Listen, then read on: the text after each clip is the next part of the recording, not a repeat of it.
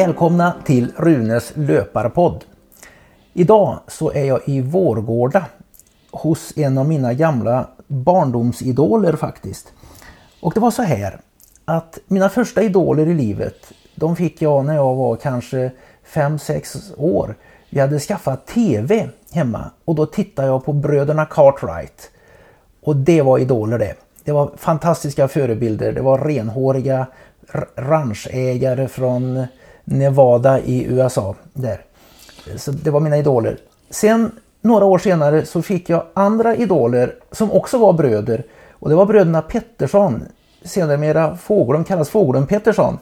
Eh, cyklister och eh, världsmästare i himla massa gånger på massa grejer med cykel. Och nu sitter jag hemma hos eh, Erik Fågelum här i Vårgårda. Hej Erik! Hej hej! Eh, det är många som inte kommer ihåg bröderna Fåglum. Eh, jag hade ett eh, skämt jag drog när jag föreläste om motivation. För jag har ju föreläst mycket. Mm. Och det var så här, va? för att liksom belysa motivationens betydelse. Att det var bröderna Fåglum. Det var Gösta som var äldst. Va?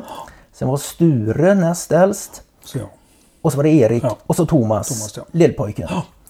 De var ute och körde, la, tränade lagtempo och körde iväg från Vårgårda. Tog chokladvägen, som den kallas för. Eh, ut, eh, det blir väl västerut va, från Vårgårda. Just det. Eh, riksväg 42 till korsen där och svängde vänster in mot Allingsås. Ja. Och körde ju något så inåt helsike för det var världens bästa lagtempoåkare. Det var ingen som slog dem på lagtempo. Och när de kommer till Östra Kulle där så hör de att det rasslar och skramlar och skrapar bakom dem. Och då vänder de sig om och då sitter en gammal gubbe i ett Fristads blåställ. Han sitter där på en vanlig Hermes och trampar helt frenetiskt. Det som skramlade var ju kedjeskyddet då som, och skväntskärmarna. Och de låg ju där i sin vana trogen i en 45-50 km i timmen där och borrade på. Och de la ju in högre växlar och drog på ännu mer. Och det slutade skramla lite men sen närmare Alingsås där så kom det här ljudet tillbaka och gubben segar sig förbi dem och så säger han Pojkar, tror ni vi hinner in till Alingsås innan de stänger på systemet?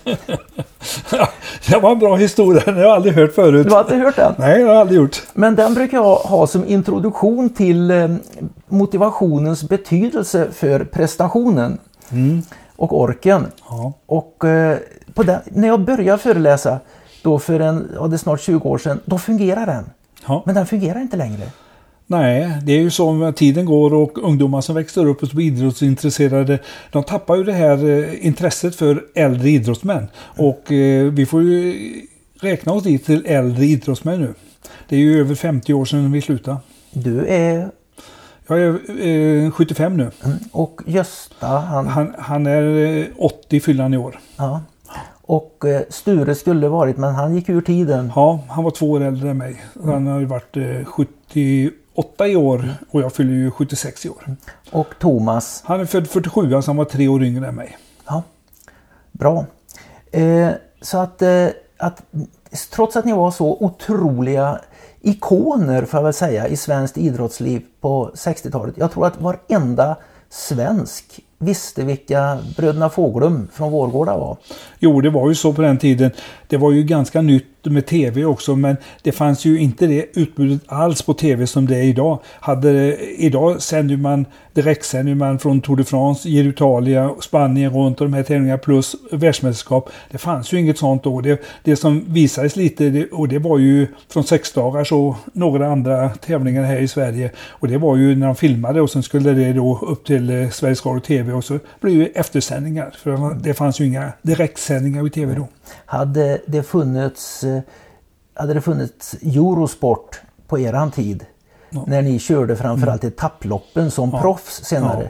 Mm. Då hade ni ju varit eh, fullständiga ikoner. Det var ni ändå får man säga. Ja, vi var ju, speciellt eh, i öststaterna tycker jag vi var väldigt populära. Vi hade ju hur mycket inbjudningar som helst att komma till öststaterna och köra. Speciellt Östtyskland och det var ju vi ganska mycket och körde. Men eh, vi var ju även mycket i Belgien, Holland, Danmark tävlade väldigt mycket i och det var ju ett... Eh, Danmark var ju ett fantastiskt stort cykelland och är än idag.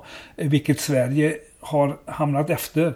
Eh, till och med Norge har ju gått långt, långt förbi Sverige idag. Och eh, riktigt anledning till det, det, det, har, det, det är väldigt svårt att förklara.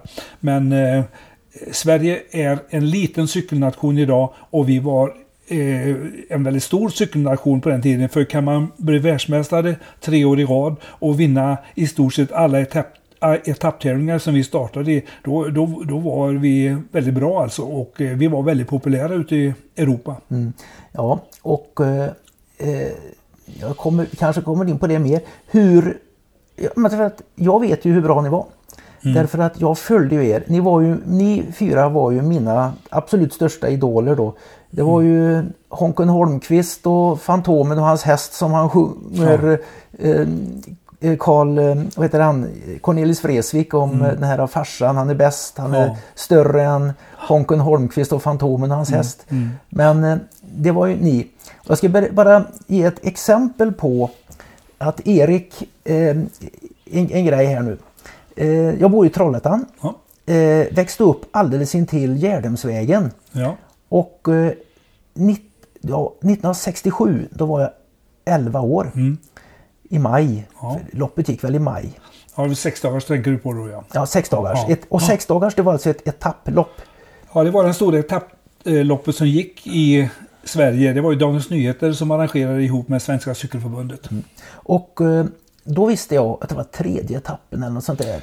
Ja, första etappen, det är 67, det gick ifrån Skövde till Borås.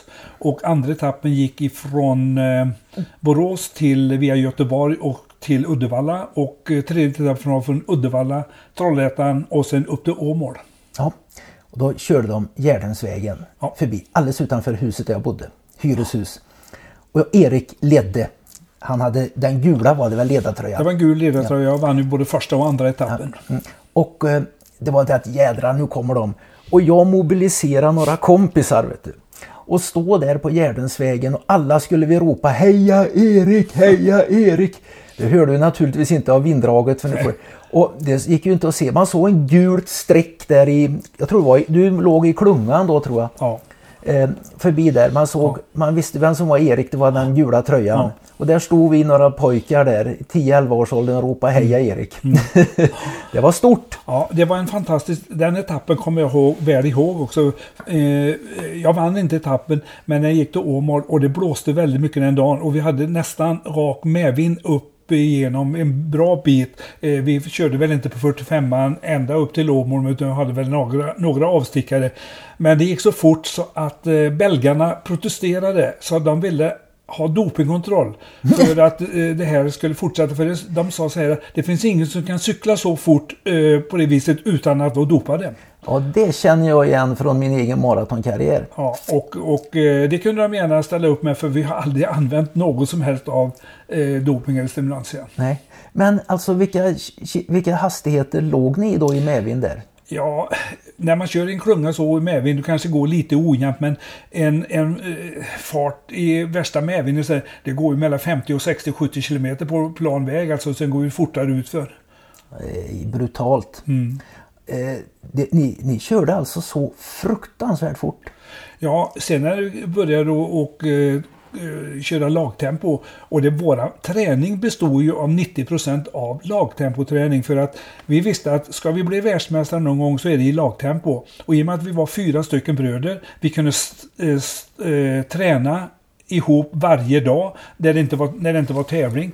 Så, och då, då bestod våran träning av lagtempo.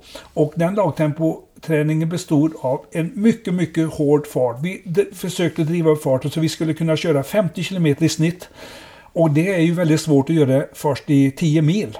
Så att vi tränade i regel 5, 6, 7 mil i början och kunde vi inte hålla farten där då fick man gå ner på distansen.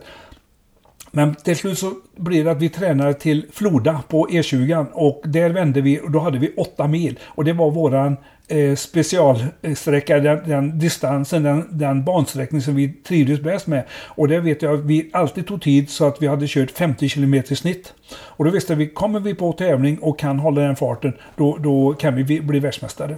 Ni körde alltså på träning låg ni i 50 km i timmen? Ja, jag kan säga det var en, vi, det var en journalist som kom hit en gång och så eh, trodde han de inte att vi kunde det. Då sa han så här att Klarar ni den här rundan ni ska åka idag, då skulle vi köra en femmilsrunda. Och det var till Alingsås och skulle vi köra den här chokladvägen mm. till chokladvägen eh, 40, 42 eller vad det blir från Alingsås mot Trollhättan och så hem. Och det är exakt fem mil. Och vi körde på 58 minuter. Och då, gjorde, då fick vi en fantastiskt fin bild på oss där vi körde gula tröjor allihop och, eh, eh, och, vi, och inramat och klart. Så det var vår, presenten ifrån denne fotografen. Alltså, låt mig säga så att det var kontrollmätt att det var ja, ja. Oh, ja. 50 kilometer. Det, det, det, var många eh, som inte trodde att vi kunde köra 50 kilometer. Men eh, ett av världsmästerskapen i bland annat Uruguay 1968 efter olympiaden då. Då hade vi, den med, eh, sträckan var uppmätt av internationella förbundet. Och då körde vi på 1.58. Det är alltså över 52 i snitt på 10 mil. Det är otroligt. Ja, jag, jag skulle vilja sätta ihop världens bästa cyklister idag med sina specialcyklar som inte du kan jämföra med våra cyklar. Nej. Det är standardcyklar vi åkte på, om man jämför med vad man åker idag. Så skulle jag vilja se eh, hur fort de kunde köra idag. Det är, det är ju så här att lagtempo idag det körs ju både på Giro d'Italia och Tour de France. Men det är väldigt korta sträckor, mellan 3 och 4 och 5 mil. Och, och de kan inte hålla ihop de här. Och då kör de på 8-9 man. Och de eh, kör kanske 55 60 km i snitt. Men det är så kort och på sådana specialcyklar. Men det är lätt att köra i den farten i 7-8 mil. Men i de två sista tre sista milen som är så jobbiga att köra när man åker den hastigheten. För man går totalt på max under den här tiden. Ja, då, det sades det att, att lagtempo var världens hårdaste sport för att i alla fall för den som är så att säga sämst i laget om man nu någon är mm, sämst i ett ja. sånt lag det, det gäller ju att vara samtränade och eh, det var ju vi. Och just det att sämst i laget, det är ju alltid någon. Det är ju alltid någon som är lite bättre och lite... Och det, men det, då led, lärde vi känna varandra så bra att vi kunde alltså... Den som var sämst, han får ju anpassa sin drag, eh, styr, eh, drag eh, vad heter, distans. Varje gång han går fram och drar så får det bli lite, lite kortare än, än eh, den som är starkast. Men det gäller att gå så jämnt som möjligt. Den som är sämst, han får alltså inte gå ner i tempo tempo så nästa man får öka tempo. Utan det ska gå precis jämn, jämn fart hela tiden. Det är då man kan eh, vinna tid alltså. Och där hade ni en stor fördel av att ni tränade ihop? Ja, precis så. Jag vet ju att eh, östtyskarna till exempel, de låg ju och tränade ihop sig här precis som vi gjorde också. Men det var inte riktigt samma, de var inte bröder. De eh, kanske inte hade samma känsla för det här. Och eh, de hade ju de körde, de körde för nationen och, och, det var något annat. De hade inte den här rättighetskänslan, det var mer tvång för dem. Vi hade mer frihet. Ja. Och det här tvånget gjorde att de kanske inte hade den här glädjen att åka cykel fort som vi hade. Nu hade ni hade glädje i er cyklande? Alltid, alltid. Än jag vet, vi kom hem efter de här åtta mil lagtempo så vet jag att Sture kunde vara så trött ibland så han tog cykel och slängde iväg den åkte ner i potatislandet. Men sen efter, efter dusch, efter vila så gick han och hämtade sin cykel, putsade den, gjorde ordning den. Sen var det likadant nästa dag. Bod. Varje dag, dag ut och dag in körde vi detta lagtempo om vi inte var på tävling eller resa. Bodde ni hemma hos föräldrarna? Då? Ja, det gjorde vi. Vi bodde på, hemma på Postvägen 50 tills eh, Gösta gifte sig och det var ju eh, strax innan vi åkte ner till Italien. Han gifte sig, jag tror det var 68 eller 69 bodde alla fyra bröder? Ja, eller alla fem. Eh, er äldste bror Åke ja, har jag träffat faktiskt. Ja, han åkte aldrig cykel utan han, eh, han var proffslagare. Ja. Och vår syster har aldrig idrottat heller. Hon, är, hon är äldst. Ja. Men eh, eh, det här, eh, vi bodde ju hemma hos morsan då. Våran far han dog ju redan 62. Så att eh, han fick ju inte uppleva någonting av våran cykelkarriär. Men eh, våran mor var helt fantastisk. Hon lagade mat, hon tvättade våra kläder. Och, eh, så, och, och, klagade aldrig på vad hon ställde upp och gjorde. Hon hade ju inget annat jobb och så vidare men hon var helt fantastisk med maten och så vidare. Och riktig husmanskost som vi åt då, det var absolut det bästa. Ni levde alltså på vanligt ma vanlig mat? Ja, kan man säga. Gjorde ni det som proffs också? Nej, då flyttade vi till Italien och då blev det det att det var ju mer som italienarna, den, de skulle äta mycket, mycket kött. Och det var ju, och vi tyckte det var ingen som eh, klagade på det. Vi tyckte ah, om all kött och så vidare. Men det kanske blev för mycket av det ibland. Och sen var ju det här all pastan och så vidare. Och det var, skulle ju vara bra. Men det kanske skulle varit lite mer variation på kosten där nere än vi hade. Mm. Det, det, er mamma måste ju varit omåttligt stolt över er. Ja, men hon visar inte så sett. Men eh, det förstod ju vi att eh, hon var naturligtvis, eh, för eh, det var ju journalister hemma och gjorde intervju med henne när vi var på olympiaden eller första gången vi blev världsmästare. Så att det fanns nog en, en, en, glädje som kanske hon inte visade så för oss men mm. det var hon, det vet jag. Mm. Ni kallas ju alltså för bröderna Fåglum. Ja. Fast ni kom från Vårgårda. Och Fåglum känner jag, känner jag personligen väl till. Det mm. ligger ju eh, ja, söder om Nossebro. Ja. En mil ungefär. Ja, och en och en halv mil här från Vårgårda. Det var så att 1958 när jag och Gösta startade här med att köpa cykel, vi köpte varsin racer alltså och eh, började träna lite. Träffade vi en kille här i Vårgårda som heter Benna Nordström. Han har också köpt en racer likadan som oss. Och eh, vi började träna lite med han. Och eh, sen så hade han träffat en kille från Alingsås som hette Harry Reif. Han var tysk avhoppare från en cirkus här vet jag. Och Eh, så frågade de om inte vi ville gå med i Alingsås cykelklubb. Så det gjorde vi 1958 alltså. Och eh, eh i augusti 58 så körde vi redan vår första tävling. Det var augustiloppet i Borås och eh, Gösta var körde i debutantklassen då och vann första tävlingen han startade i. Och jag var 13 man i min klass. På den tiden var ju det inte så att det var 100 startande. Det var det i varje klass. Det var mellan 100 och 130 Eh, i den klassen jag körde och lika många där Gösta körde. Så att det var ju mycket, mycket mer cyklister då på alla tävlingar. Och sen framförallt på den tiden så gick det tävlingar eh, i olika städer. Så jag kunde välja kanske på en och två tävlingar per söndag jag skulle ut på. Men idag är det eh, svårt att hitta en tävling. Men hur som helst så när vi hade kört den här tävlingen och då tyckte vi att det var lite svårt att komma till och från tävlingar. Så att vi eh, eh, såg ju att Fåglums cykelklubb hade en, två brödrapar, eh, bröderna Ålvik och bröderna Bergqvist. Så vi frågade helt enkelt om vi inte skulle kunna få köra dem eh, nästa år, då, alltså 1959. Jo, det var väl inga problem.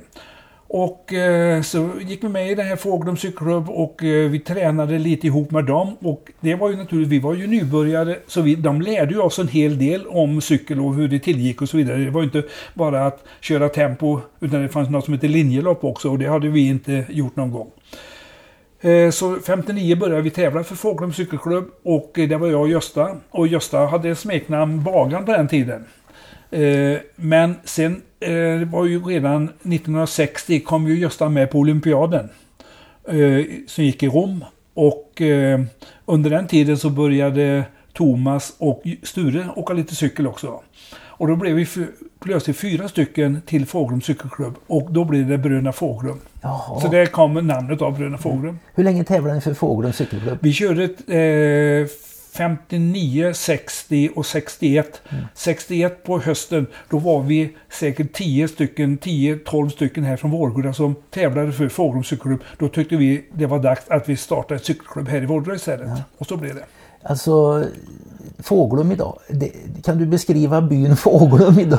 Ja, det är en, en väg som går rakt igenom en liten by. Där ligger kyrkan på vänster sida och en kyrkogård och sen på höger sida där ligger en nedlagd speceriaffär. Och eh, fortsätter man en liten bit till mot Nostebro så ligger Ginsa som säljer skivor och sånt där. Sen är det inte så mycket mer. Nej, det är Nej. ju inget samhälle. Nej, och så rinner Nossan alldeles eh, strax intill ja. här. Så, att, eh, så det, är, det är ingen stor by. Nej, jag har själv sprungit igenom den byn. Ja åtskilliga gånger. Fantastiskt. Det, jag känner sinnesfrid när jag springer genom Fågelum. Det är en fin, ja. fin bygd. Ja, det är det. Och jag Jättefint. har haft många från mm. Fågelum som elever när jag var ja. lärare i Nossebro okay. i 17 år. Ja.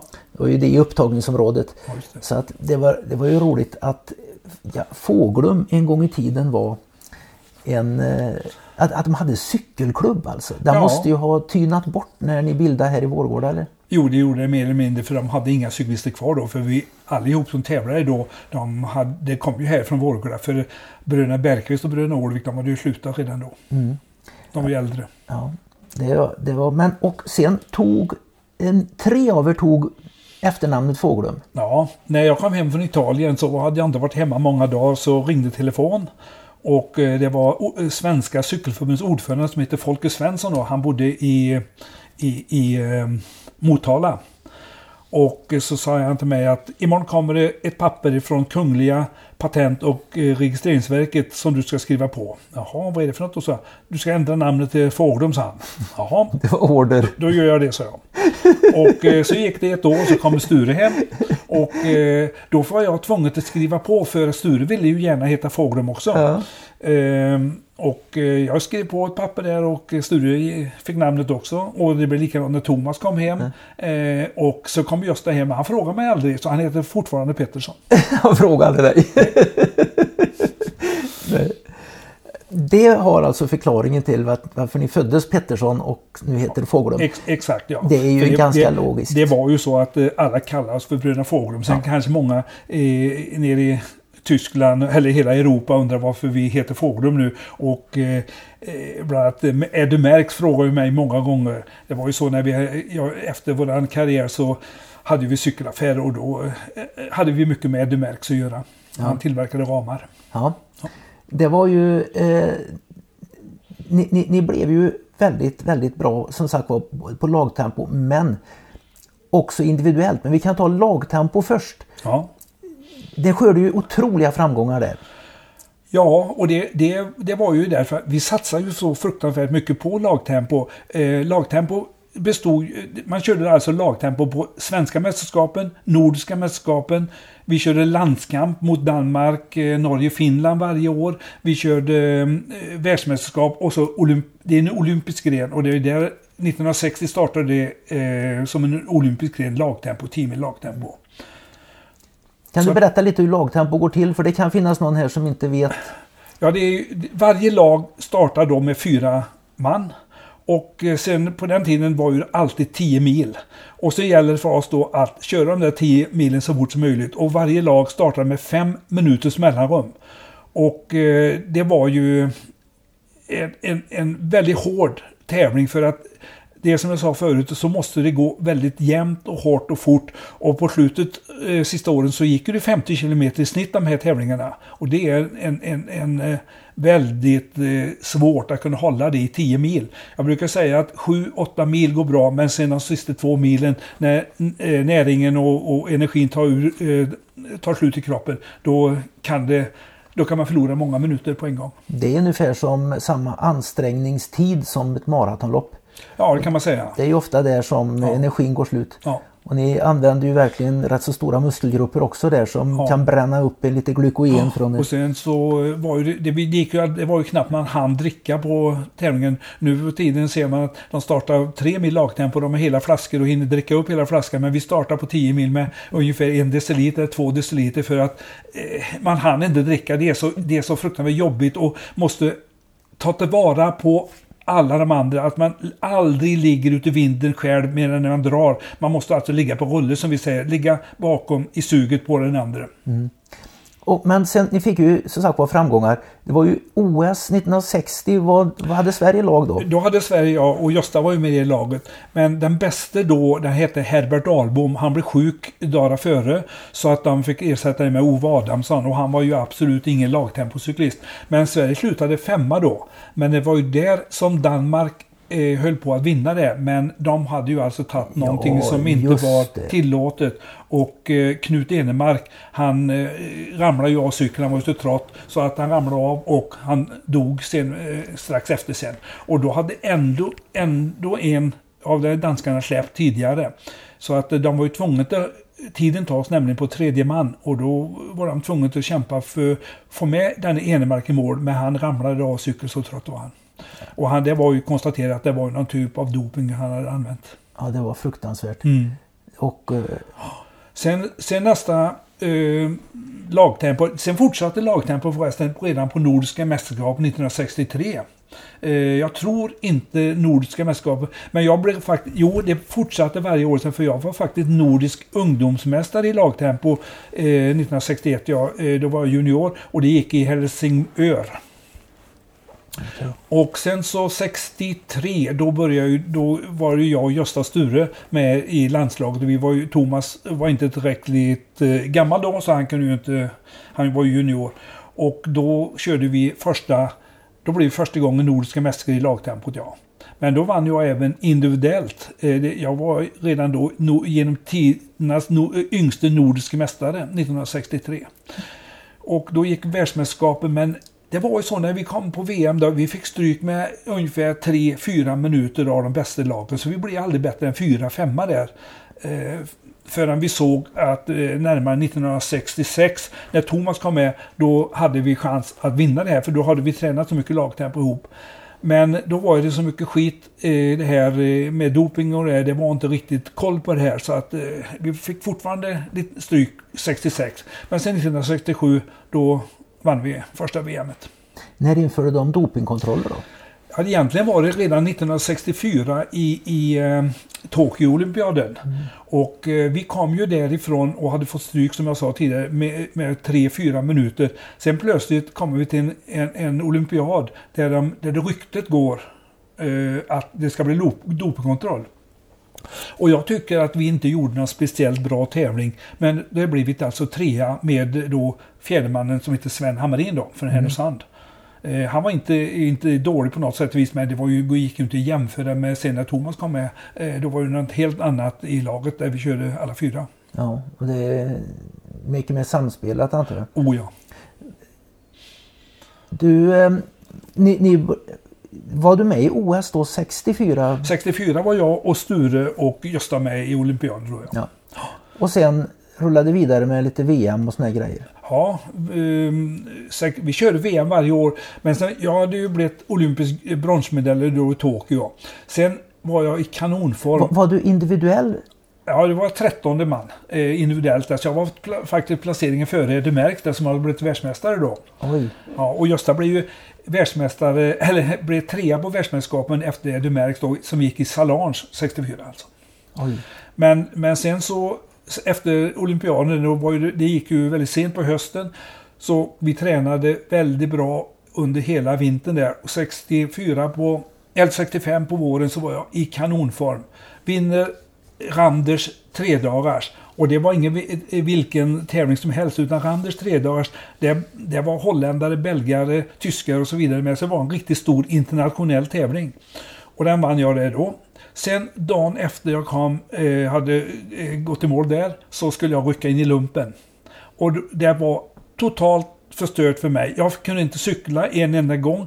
Det var då precis som militära var då, man skulle eh, springa, eh, man skulle marschera och en skulle göra det och det. Så att jag hann aldrig, jag fick aldrig träna någon gång där. Jag var uttagen till träningsläger som Cykelförbundet hade. Jag var uttagen till eh, landslagsuppdrag också. Men det hjälper ju när man inte får träna. En cyklist måste alltså träna regelbundet för att klara av tävlingar. Och jag gick ner mig så fruktansvärt så att jag kom inte igång förrän riktigt bra förrän eh, våren 66. Oj, så sent. Jag, förlorade, inga- jag, jag tyckte jag förlorade ett och ett halvt år på militärtjänsten. Ja, det fanns inga idrottsplutoner på den Nej, tiden. nej. Thomas låg den första i idrottspluton. Örebro, Örebro eller vad var det? Nej, Tom, det, det låg i Borås då. Borås? Ja. ja. Eh, era första VM som ni vann? Ja. 67? Sju. Vi kunde egentligen vunnit 66 men vi hade blivit nordiska mästare. Vi hade slått danskarna på, på, på ehm, eh, landskampen. Och rejält också med 4-5 minuter. Kommer ner till Köln som VM skulle gå, på, eh, gå i. Eh, Cykelförbundet hade placerat oss i en liten by utanför. Och eh, det var inget fel på den byn och inget fel på hotellet. Men att andra dagen när vi skulle ut och rulla och prova cyklarna och så, så kände jag att jag mådde inte bra. Började bli magsjuk. Och åkte, tog en genväg hem. Och då visste jag, jag blev så fruktansvärt magsjuk så jag, eh, jag kräktes så det var precis tom. Och då visste jag att dagen efter så kommer Gösta och Sture och Thomas blir också. Och det stämde precis. Nej. Och det gick över ganska fort. Så jag, dagen efter var jag i, i princip eh, färdig så jag kunde inte cykla. Men då låg de avsjuka. Och då var det bara två dagar till vi skulle köra lagtempot. När vi hade en timme till kvar till starten. Då skulle laget anmälas. Då visste inte Sture om han kunde starta eller inte. Men han sa, jag kör. Och eh, det var ju ganska bra i starten. Det, var, det hade kommit regn och det var väldigt halt. Det var mycket här kullersten vi körde på. Det är mycket lastbilar, dieselbilar. Så det var nästan som att köra på skridskobana. Men hur som helst så efter ett par mil så fick vi tid att vi hade en ledning. För de som hade startat före oss då och vi hade startat ganska långt bak. Så det gick bra tyckte vi. Eh, rätt vad det var så kommer vi till en vinkelkurva och Sture vurpar. Oj. Upp igen och så iväg och eh, förlorar vi kanske en halv minut eller någonting. Så kommer vi igenom en by där det är kullersten och riktigt en, kam, eller en rygg på mitten av det här. Och Sture vurpar igen där. Och då hade vi inte kört mer än eh, fyra, fyra, fyra och en halv mil. Så resten körde jag och Thomas Gösta själva för Sture kunde inte fortsätta då. Och vi blev inte med en sexa. Och det värsta var då, det var att danskarna vann som vi hade slått två gånger tidigare under säsongen. Ja. Men sen kom vi till Holland året efter det och eh, då gick det bättre. Då hade vi inga större problem. Men den gången, var det Montevideo det gick när ni... Nej, första var i Holland. Jo, men när, när ni gick över eh, 50 ki- eh, Ja, kilometer i det, det var i Montevideo. Då hade vi varit på olympiaden. Och Mexico City ligger ju på 2400, 2300 meter tror jag. Och eh, där har vi legat ganska länge och vi har samlat mycket röda blodkroppar på oss. När vi kommer ner till Montevideo, får våra cyklar, åker ut och tränar. Så kan man undra var vi fick krafterna ifrån. Jag har aldrig åkt cykel i hela mitt liv så lätt. Det var precis, det fanns ingen motstånd. Andningen var inte mer än jag har nu. Och vi kunde alltså ligga på en 45-50 km på träning. Inga problem. Så det var ju det att vi har legat på så hög höjd och det, jag tror det är olika olika människor som tar åt sig, eh, har nytt, mer, mer eller mindre nytta av det här. Men vi hade verkligen nytta av det här. Så att när vi startade lagtempot så körde vi alltså 52 i snitt. Det var helt otroligt så bra det gick. Vi har aldrig kört en tävling så, eh, så fint och bra utan, utan några som helst störningar. Jag kan berätta också att samma lag som startade före oss, fem minuter före oss, det var Italien. De slog vi med 15-20 sekunder på olympiaden. Nu körde vi upp dem på fem minuter och körde ifrån dem med en och en halv minut. Så vi slog dem med sex och en halv minut. Med samma lag. Ja, otroligt. Ja, så det gick väldigt bra. Det, det, är alltså, eh, då ska det höra saken att då körde ni lagtempo 10 mil Ja, och på den tiden cyklar. Och med den tidens klippspedaler, Jajamän. da, dagens klickpedaler, det måste vi kunna få bättre, får man bättre drag. allting ifrån cykel till utrustning. Om man sitter på den tempodräkten man har, hjälmarna, aerodynamiska kläder, eh, damasker och allt det här, så är det en enorm skillnad. Cyklarna, det jämför jag med de standardcyklar vi körde på då mot dagens racer med de här, de är ju provade eh, vindtunnlar så du släpper vinden oerhört, eh, oerhört lätt. Det finns inga luftmotstånd knappt på de här, med de här. Och sen eh, vikten. Ja, vikten har ju naturligtvis lite betydelse men eh, de kanske, jag tror det är 6,8 6,7 kilo är minimum vad en cykel får väga idag. Och våra cyklar vägde väl ungefär 10 kilo. 10 Ja, kilo! ungefär. Järnstaket Ja, trampar kan man på. säga. Det var ju stålramar och det var inte, vikten hade så eh, mycket kanske med detta att göra när man kör på slät väg. Men vridstuvigheten i ramen, alltså den kraften du lägger ner i pedalen, den ska gå ut i bakhjulet. Men den kanske gick ut i en uppförsbacke så kanske den inte går ut med en 70-75% i bakhjulet som eh, den kraft du lägger i pedalen. Rest- Men idag går det ut 99,9%. Resten gick för att Det går ut i och, ramen. och, och vrida ramen Ja, fram och Och tillbaka. den får man aldrig tillbaks i den kraften som går ut, ska ut i bakhjulet. Mot den bakgrunden så är alltså 52 kilometer i timmen på 10 mil eh, kontrollmät bana. Det är, Ja, det är groteskt. Mm, Eh, Jag hörde någonstans att eh, eh, ni, ni hade ju en runda ni körde som var uppmätt och Ja. ni tog tid på. Att när någon utav er, om det var Gösta, kom tillbaka sen ifrån proffslivet Ja. och fick en av en modern cykel. ja. Då körde han vid eh, nästan 50 års ålder var det. 50 års ålder. Han kom hem och vi hade ju då startat racerdepån och vi hade ju de här fina cyklarna och eh, gjorde tempocyklar och det var ju inte alls ändå som de har idag. Men han körde på den här en och en halv milen som han mätte upp. Där körde han fortare när han var 50 år än när han var som bäst på en van- den cykeln. Så det, det, det visar ju hur mycket cykeln och materialet gör. Helt otroligt. Mm. Helt otroligt. Att eh, det gjorde det. Ja, det, det var imponerande. Och sen eh, var det OS 68. Ja, det var ju... Ehm, det var ju vi storfavoriter.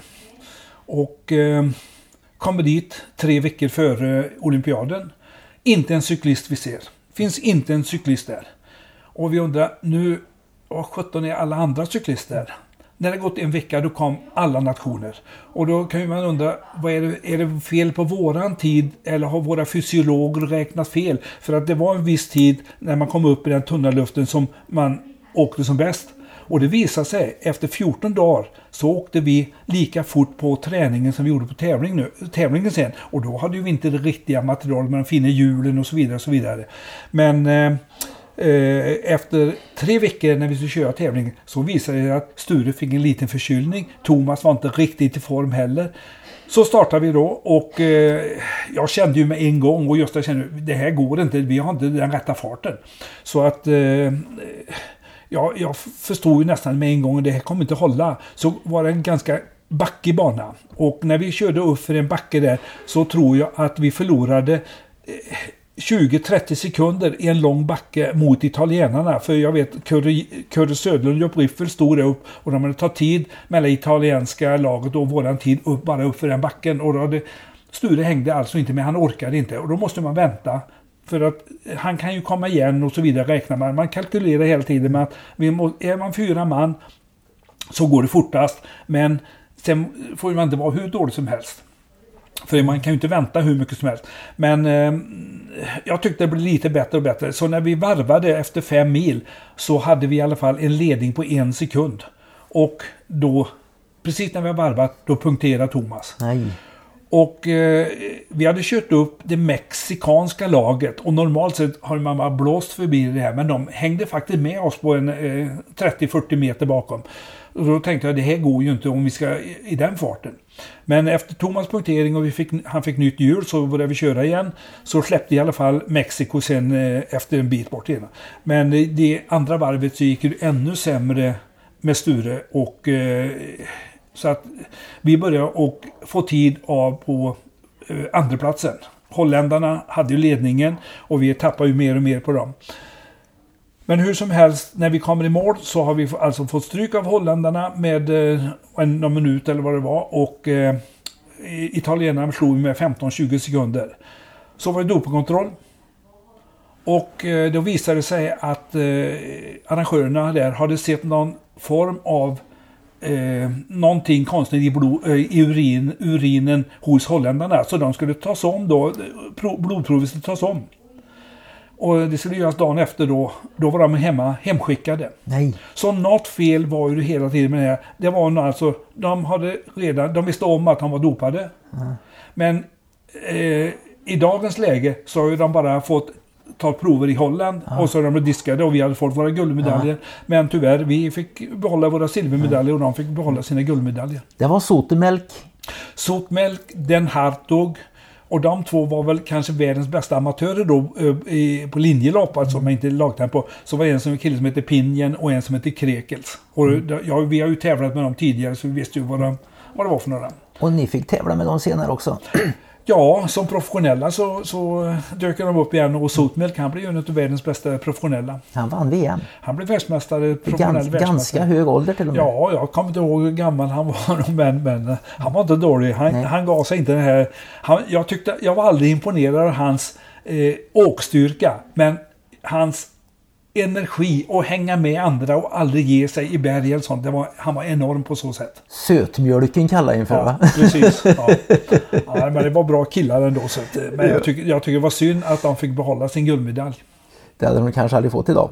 Nej, absolut inte. Det- Det är som eh, Björn Ferry sa. Mm. Vänta bara, de har inte pissat än. Nej, precis. Nej. Eh, Lite fult kanske. Ja. Anklagas för doping. Jag har ju själv blivit anklagad för doping när jag förbättrar mig Mm. väldigt snabbt som maratonlöpare. Ja. Så det går inte att bli så bra så snabbt. Nej. Men eh, Ingen visste ju att jag hade dubblat träningen och kommit Nej, in i en helt nej, annan nej. miljö. Jag brukar säga att med rätt träning så kan man göra underverk och jag tror att det är väldigt, väldigt många ungdomar eh, på sådana här konditionsidrotter som tränar fel. Hur då? Ja, till exempel, eh, det fanns ju ingen som trodde att vi skulle kunna bli cyklist och träna mellan 5 och 8 mil. Att vi, hur ska ni orka 18 mil då?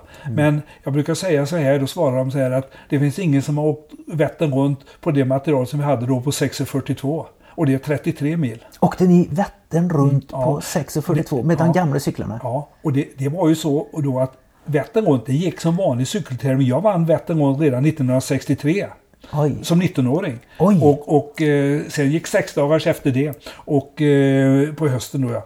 Och, så att eh, det var en vanlig cykeltävling men det gick varannat år. Men jag körde den bara 63 och 69. Och då var ju det ändå så att dagen efter skulle vi köra en tävling i Danmark som heter Stjärnlöpet. Så det var bara att sätta sig i bilen och åka dit ner och köra den tävlingen också. Det var tusan. När ni var amatörer, Ja, jo- jobbade ni då eller? nej.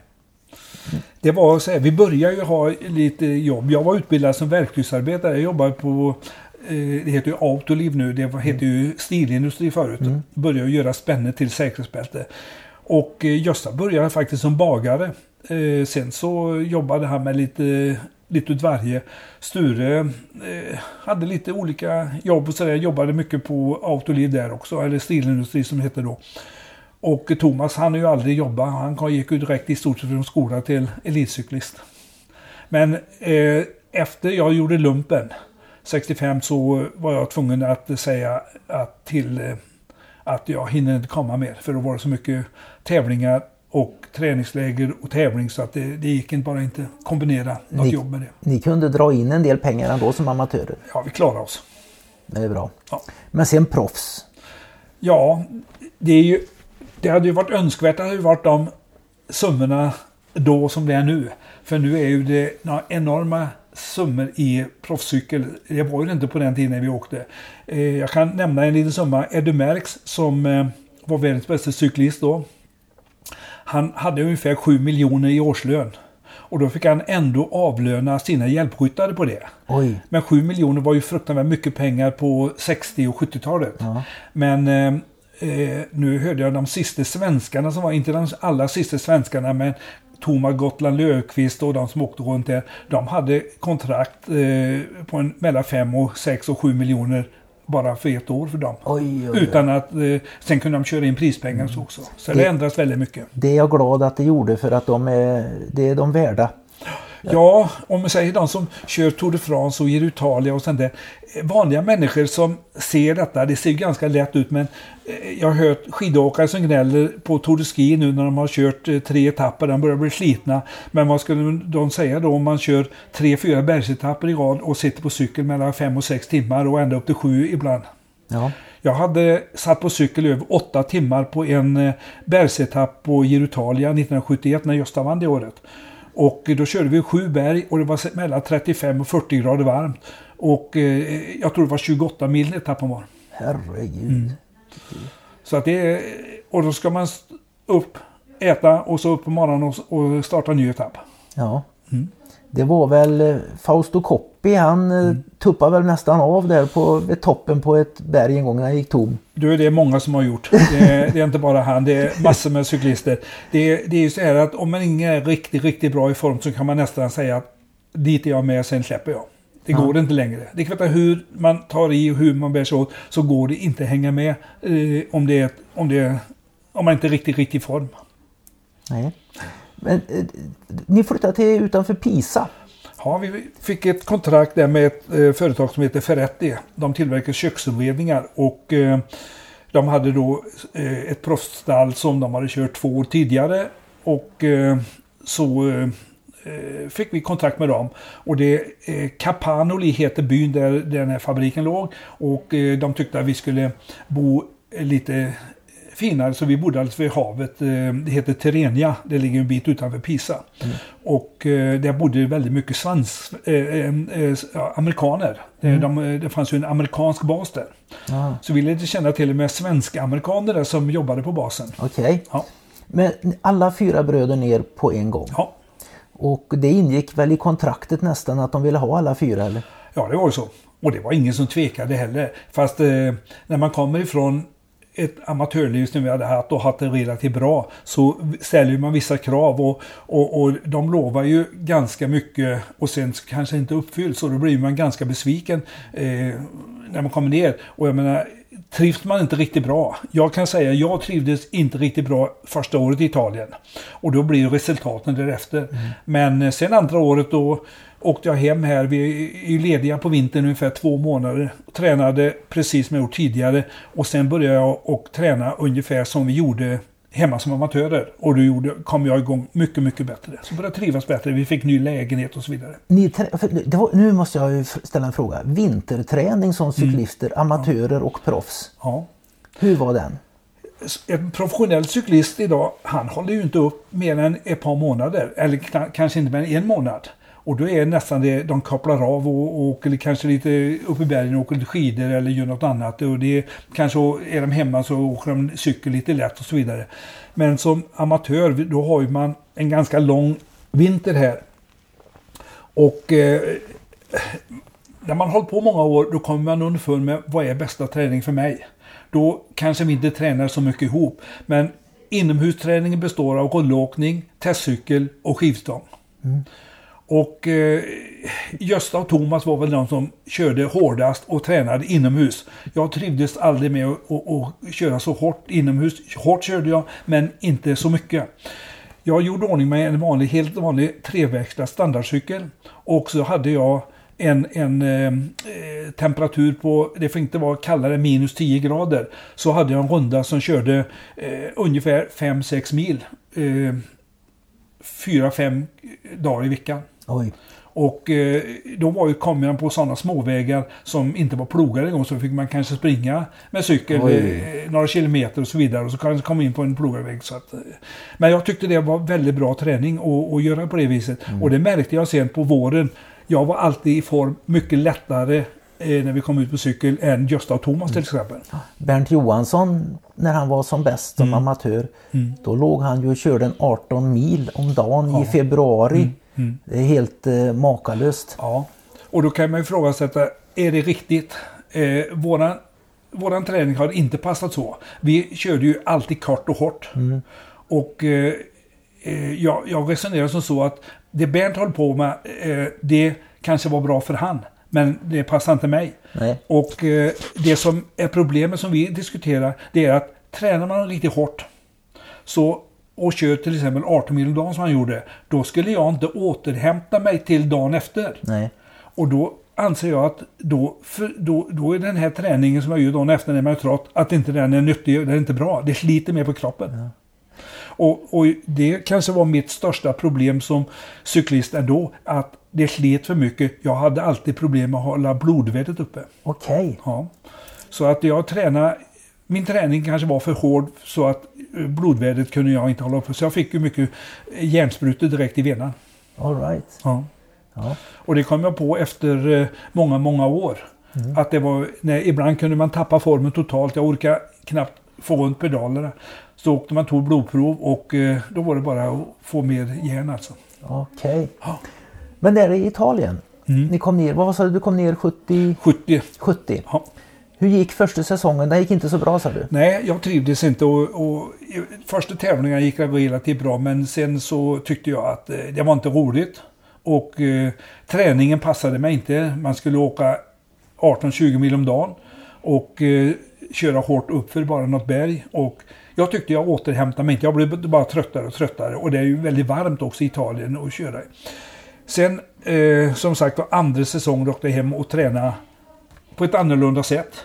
Och då kom jag mycket, mycket bättre i form. Kommer dit ner, kör jättebra, bland annat på Paris-Nice. Där Edu Merckx vann, Gösta tvåa, Sotmil trea.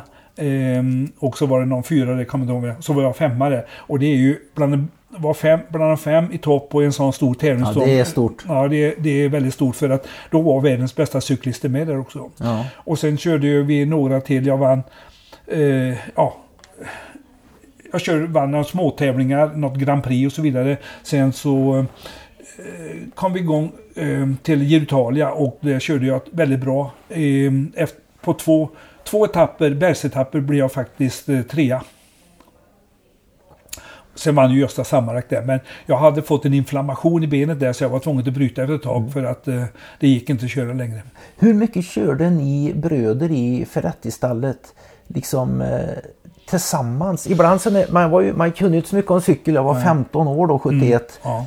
Och jag tänkte varför går inte killarna loss och kör lagtempo och kör skiten ur dem allihop? Men det är Ja. klart, det var ju världens bästa cyklister ni hade Jo, det är det. Och de kan köra 50 kilometer ett, ett tag tills i stort sett vi tröttnar också. Och man kan, ett, som jag sa förut, etapperna är ju eh, jättelånga där. Det är ju uppåt mellan 20 och 28 mil varje dag. På, och endagstävling är ju mellan 25 och 30 mil. Och det går inte att köra lagtempo på det viset. Nej, det, jag var 15 år sa jag. Ja, men det går, det går, det går helt enkelt inte att köra lagtempo. Däremot kan ju man hjälpa varandra lite och så vidare. Men eh, hjälpryttare jag körde aldrig som någon hjälpryttare utan jag fick köra mer som fri cyklist. Det är ju att försöka gå med tidiga utbrytningar och försöka hålla, loss, hålla undan hem och kanske vinna, vinna spurtpriser och så ute på banan. Du kunde spurta. Ja, jag hade en, en skaplig finish. Visst spurtade du till dig någon VM-medalj som amatör också? Ja, eh, det var ju i, i Uruguay. Eh, eh, 67. Efter, efter, efter, 68. olympiad, efter olympiaden 68. Och då så eh, eh, var det så att vi gick loss eh, ett gäng på en tio stycken och vi blir i alla fall fyra på slutet där. Och jag har nog aldrig varit så säker i hela mig, mitt liv på att vinna en tävling som den för att jag visste vad jag hade för konkurrenter att köra med. Och eh, jag visste att jag slår dem i spurten.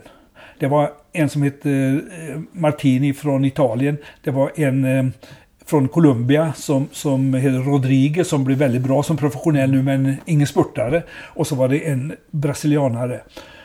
Och, eh, det, men jag tyckte att ju närmare mål vi kom, ju, jag tyckte att han blev starkare och starkare bara. För jag kände ju på dem hela tiden och jag var ju väldigt bra i form där. Så drog det ihop sig till spurt i alla fall. Och jag kanske gjorde bort mig lite. Jag ska inte bara säga eh, att det var de som var bättre. Men den italienaren kom med en långspurt. Och jag hängde inte på tillräckligt snabbt där. Så jag kom liksom inte in på rullen tillräckligt fort. Så jag blev trea där. Men eh, normalt sett skulle jag ha vunnit den spurten. Jag skulle ha blivit världsmästare. Och vi har ju inte haft så många världsmästare, individuella världsmästare i, i Sverige. Det är ju bara Harry Snäll. Det är Mm. ingen som har vunnit individuellt världsmästerskap sedan dess. Men trea var inte dåligt. Nej, det är ju inte. Och Gösta var ju trea en gång också. Och sen har vi haft då en eh, som har tagit medalj tidigare, Sven-Åke Nilsson, som blev tvåa ett år. Ja, det var... Men eh, det var just den eh, tävlingen där. Det är ju så här att det fanns ju dopingkontroll också. Ja. Men jag såg ju med egna ögon hur de manipulerar det här. Det, är det så att eh, man vill det så går det att köpa läkarna också. Du menar det? Det var tråkigt att det alltid Mm. Ja. kommer in på doping när det Ja. gäller cykel. Jo, det, Alltså, det har alltid varit så. Men det, idag finns det nog ingen idrott som är så hårt bevakad. Sen det här med Lance Armstrong och det jag höll på så tror jag inte det finns någon idrott som är så mycket koll på som det är på cykelsporten. Nej, det, eh, jag, har, jag hade nästan tänkt att inte, gått in för att inte prata doping och cykel. mm. För Men- att eh, på, när jag skulle göra en podd med dig, men det går ju nästan inte att undvika då. Mm. Nej, det är ju inte det för att man har ju det är som jag säger, de har alltså stulit resultat från mig. De har stulit ekonomin från mig genom att dopa sig. Ja. Kör man rent så är man ren. Och jag menar, det, är, det har ju varit så mycket fusk i den här idrotten. Och det är, jag har ju sett det med egna ögon hur de håller på. Ja. Du, har ju tävlat mot de allra största alltså. Mm. Du har ju själv varit en av de allra största, kan man ju inte sticka under stol med heller. Eh, men Eddie Merckx till exempel och Sotemelk och, de, och Kanja, den här bergsspecialisten, Mm, Ja. spanjoren Ja, och dem. ja. Eddie Merckx, kannibalen kallar de mig för. Bara för att han kunde äta upp sin cykel för att vinna. Ja. Bilden av honom är ju att det var en otroligt eh, nästan narcissistisk, brutal eh, typ som skulle vinna en slags J.R. Ewing på cykel. Va? Vinna över lik om så behövdes. Ja. Eh, först ska jag säga så här att någon bättre kompis och trevligare människa än han, det får man leta efter. Eh, han, alltid artig, kom till start på tävlingarna, hälsade alltid. Eh, var aldrig arg på någon för att eh, om det var någon som kanske vinglade till så det blev en vurpa och han kanske gick med i en vurpa och så vidare också. Eh, blev aldrig arg, borstade av sig, upp på cykel och åkte igen. Eh, var väl lite smårolig, men när det var tävling som du säger, då skulle han vinna allt. Han släppte aldrig någon för att han skulle bli två eller trea. Utan han gjorde alltid det bästa. Sen hade ju han kanske många utav världens bästa cyklister som hjälpryttare också. Som hjälpte han till, alltså körde upp för ett berg och när de var eh, bara några hundra eller två, 300 meter från toppen där så var det han som, då hade de andra slitit som djur för hans hjälpryttare hade kört så och då satsar han och körde för fullt och då gick han hem många gånger och vann solo. Hjälpryttarnas enorma betydelse. Ja, de de, det, det är så i cykelsporten. de eh, okända hjältarna. Ja, ja. Eh, jag sa ju detta, jag har ju, jag har hört dig förut berätta hur trevlig och eh, bra han var, Eddie Mm. Ja, Merckx som människa. Det var därför jag vrängde till det med att Mm. en bild av honom som är en sån att han var, han var ingen narcissist utan han var bara en, helt enkelt en, en person med en enormt stark Det var en eh, segermaskin. segermaskin. Ja, det det. Eh, jag kan berätta, sen när vi hade racerdepån så var jag och Gösta ner på en mässa i Milano. Racerdepån kan vi säga först, vad var det? Det var cykelmässa alltså. Ja men du hade en butik som hette Racerdepån. Ja, just det. Ja. Just det. Eh, när Gösta kom hem så startade vi en affär här i Vårgårda som heter Racerdepån. Och bara specialcyklar för tävlingscyklar alltså. Det, vi ingick i Monarkresan då och, och den affären låg i Stockholm tidigare. Men ehm, eh, jag hade fått lite andra jobb på Monark och jag trivdes inte riktigt med det. Så de frågade helt enkelt vad jag ville göra. Jag sa att den där affären Racerdepån, den skulle jag vilja ha. Det är bra, sa de. Då kan du flytta till Stockholm. Aldrig i livet, sa jag. Jag ska ha den till Vårgårda. Och det fick vi. Och ni skulle ner på en mässa och träffa Eddie Merckx. och då åkte vi ner till eh, den här cykelmässan som vi var varje år. Men då råkade vi träffa Eddie Merckx där. Och eh, så pratar vi lite och då säger han så här att eh, ni ska aldrig kunna tänka er att börja och sälja min cykel för jag ska börja tillverka egna ramar. Och då kan ni köpa ramarna löst och montera dem själva eller ni köper färdiga cyklar. Och vi hade haft lite problem med italienarna med leveranser och det, strulade alltid nästan från italienska företag. Så när vi kommer, eh, så vi bestämde med en gång att det gör vi. Vi ska ha Toya Dumerx. När han kom hem sen så bestämde vi att han skulle komma till eh, Varberg, till Mona Crescent och så presentera sitt eh, det här och eh, jag och Gösta var och hämtade han på Landvetter. Åkte dit och eh, vi skrev kontrakt med han att vi ska sälja hans cykel. Sen var, varje år så var jag, åkte jag ner ihop med Monarks inköpschef och gjorde, gjorde våra beställningar då för året efter. Och det fanns inte en gång så vi kommer ner utan Eddie hämtar oss eh, då när vi kommer i bil, kommer till hotellet och ser till så allting är bra. Eh, bestämmer tid när vi ska vara hos hans företag. Eh, eh, gör upp affären och så bjuder han alltid på lunch eller någon till middag efter. Alltid trevlig, alltid mycket, mycket snäll och behaglig människa. En helt annan person när han inte har nummerlapp på sig. Ja, han var, men det var som du säger, han var för snäll och bra då också. Men han skulle vinna tävlingen. Ja. Ja, det är intressant. Eh, dopingrykten om en sån som Eddie Merckx då, eftersom nu ändå tvunget kom in Mm. På doping. Ja. Jag har en rolig historia om det. För att eh, det var så här att han körde Giro Italia ett år.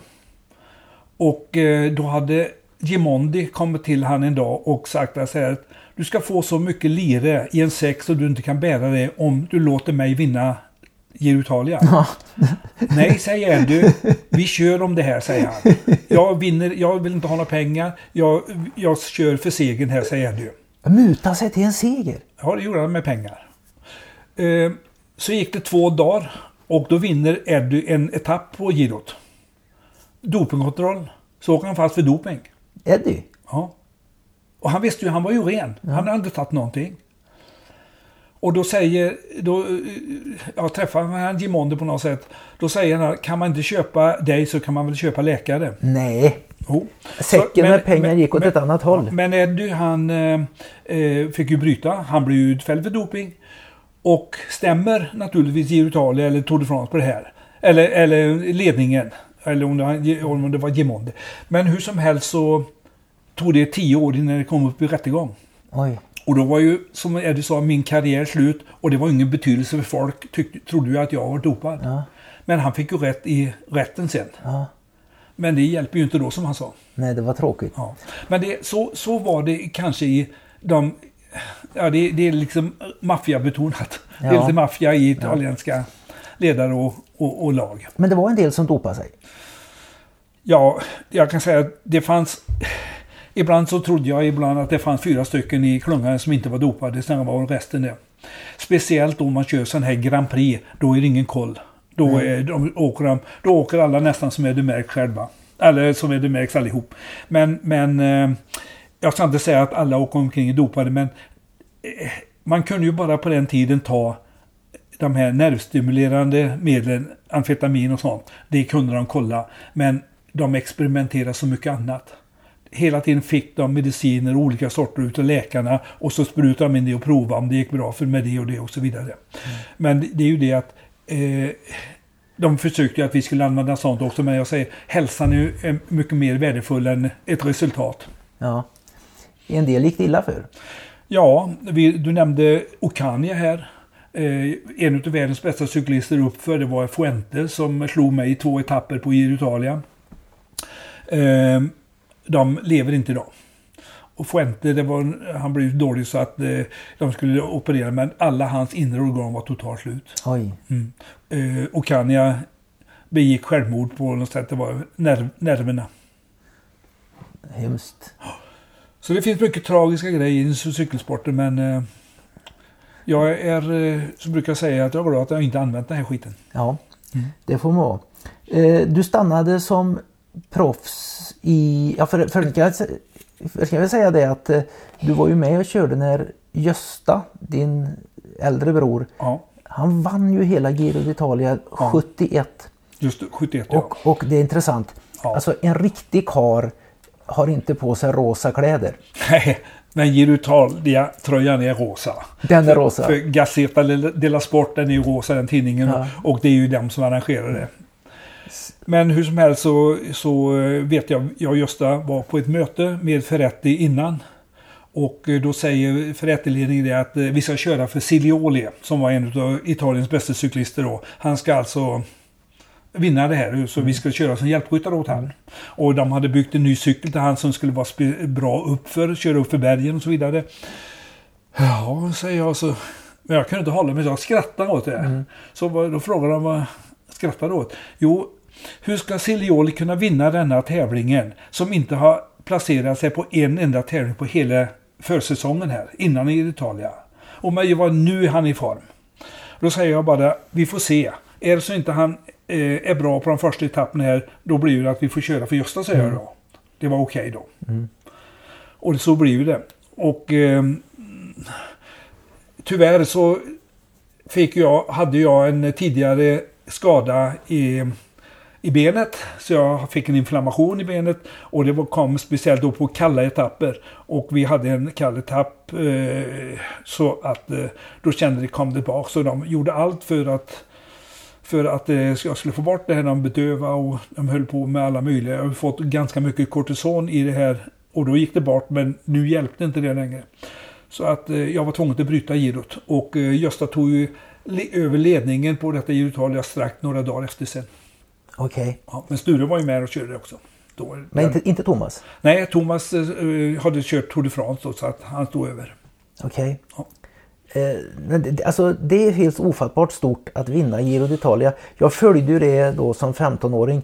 Det fanns ju inget Eurosport eller något sånt där Mm. Nej. Mm. utan det var ju sportsidorna i Göteborgs-Posten och det var Ja. något... Eh, Och ett reportage i, i, i vet, Gun- Lars-Gunnar Björklund var ju med nere i början och sen tog Sven Plex över det där. Men de kunde ju, speciellt Plex, han kunde ju ingen cykel så att det var ju ganska dåliga rep- reportage som kom därifrån.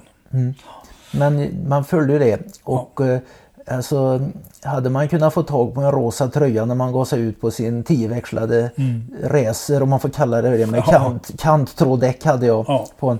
Då hade ju nog jag klätt mig i rosa också bara för att att då var plötsligt rosa den manligaste färgen du kunde ha. Inte, Ja. inte ens militärens kamouflagefärg kunde vara mer manlig.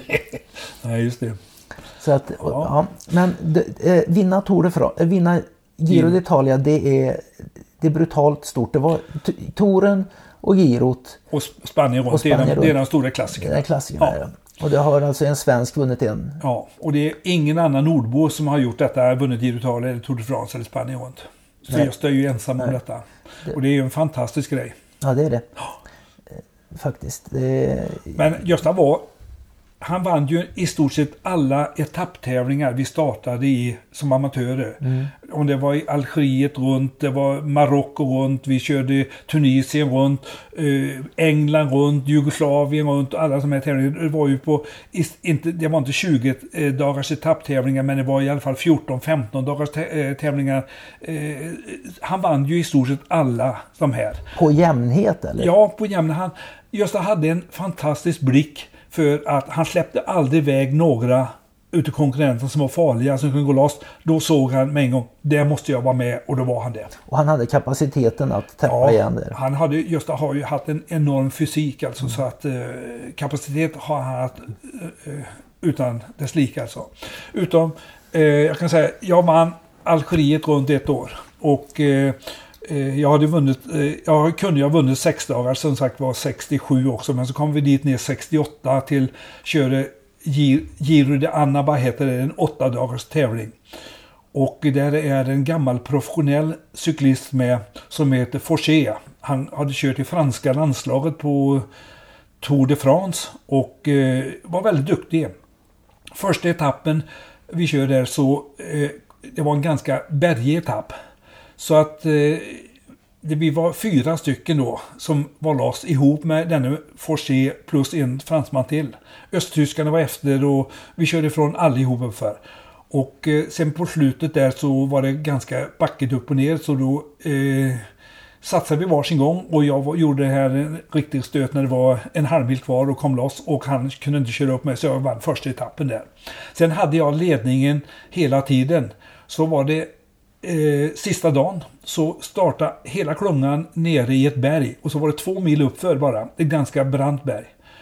Och eh, då eh, trodde väl alla att Gösta skulle ta över ledningen där alltså åka ifrån mig. Ungefär halva distansen där då vet jag Sture och Ek och eh, eh, östtyskarna då släppte de eh, vid en liten fartökning där. Och så var det bara jag och Gösta och den här fransmannen Forsier kvar. Och då gjorde Gösta några riktiga sådana här försök att köra ifrån mig. Men det gick inte för jag... Köra från brorsan? Ja, för att han ville ju... Han skulle ju vinna till varje pris alla etapptävlingar. Ja.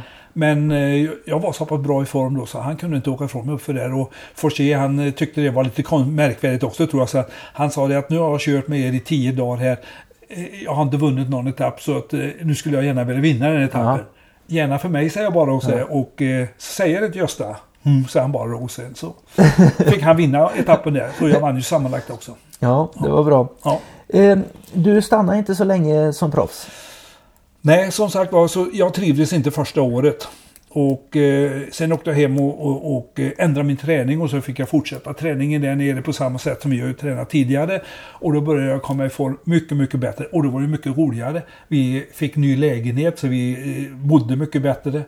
Eh, och, och eh, för det gör ju mycket att min hustru ska ju trivas också, inte bara jag. Nej. Och eh, jag började göra resultat, bra resultat. Mm. Men eh, så i alla fall blev det kontraktskrivning när lite halvsäsongen. Då hade jag alltså varit borta lite också för min, mitt eh, onda ben. Mm. Och det, det är inte deras fel utan det är mitt fel och då tänker de nu ska de sänka mitt kontrakt mm. då till nästa år för att jag ska för att jag var borta då ett tag.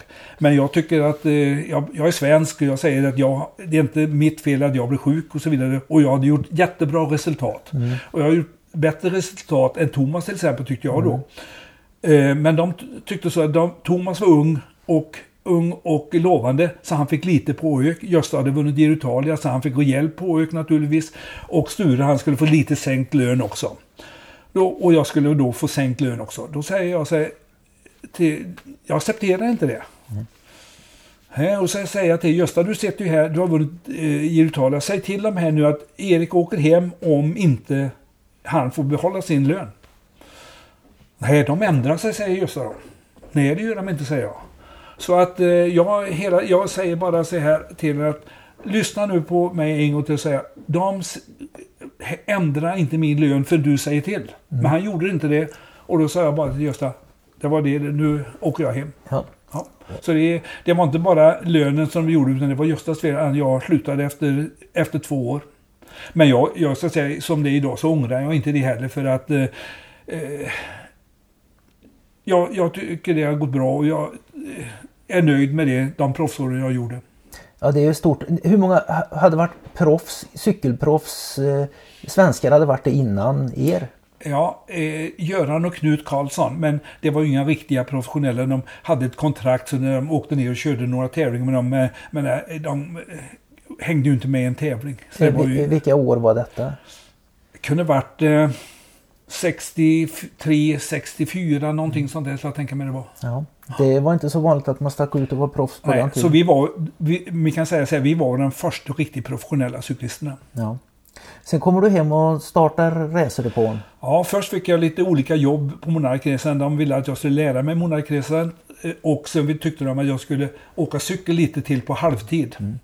Så jag körde då, men sen hade vi ett cykelförbund som inte var riktigt normala då på den tiden. Utan de försökte hindra mig istället för att ta tillvara på att här kommer Erik Fågelum och kör den och den tävlingen. Utan de tyckte att är det så det är etapptävling, då får jag inte vara med. Jag får inte vara med på ett mästerskapstävling, SM eller sånt. Jag fick inte köra så det var utländsk konkurrens, så skulle jag inte få köra tävlingar heller.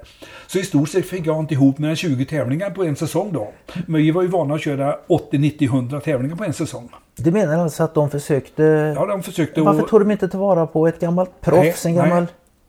Eh, Det det har nog... eh, Vi hade en, ordf eh, en, en ordförande då som heter Carl Gustav Anderberg.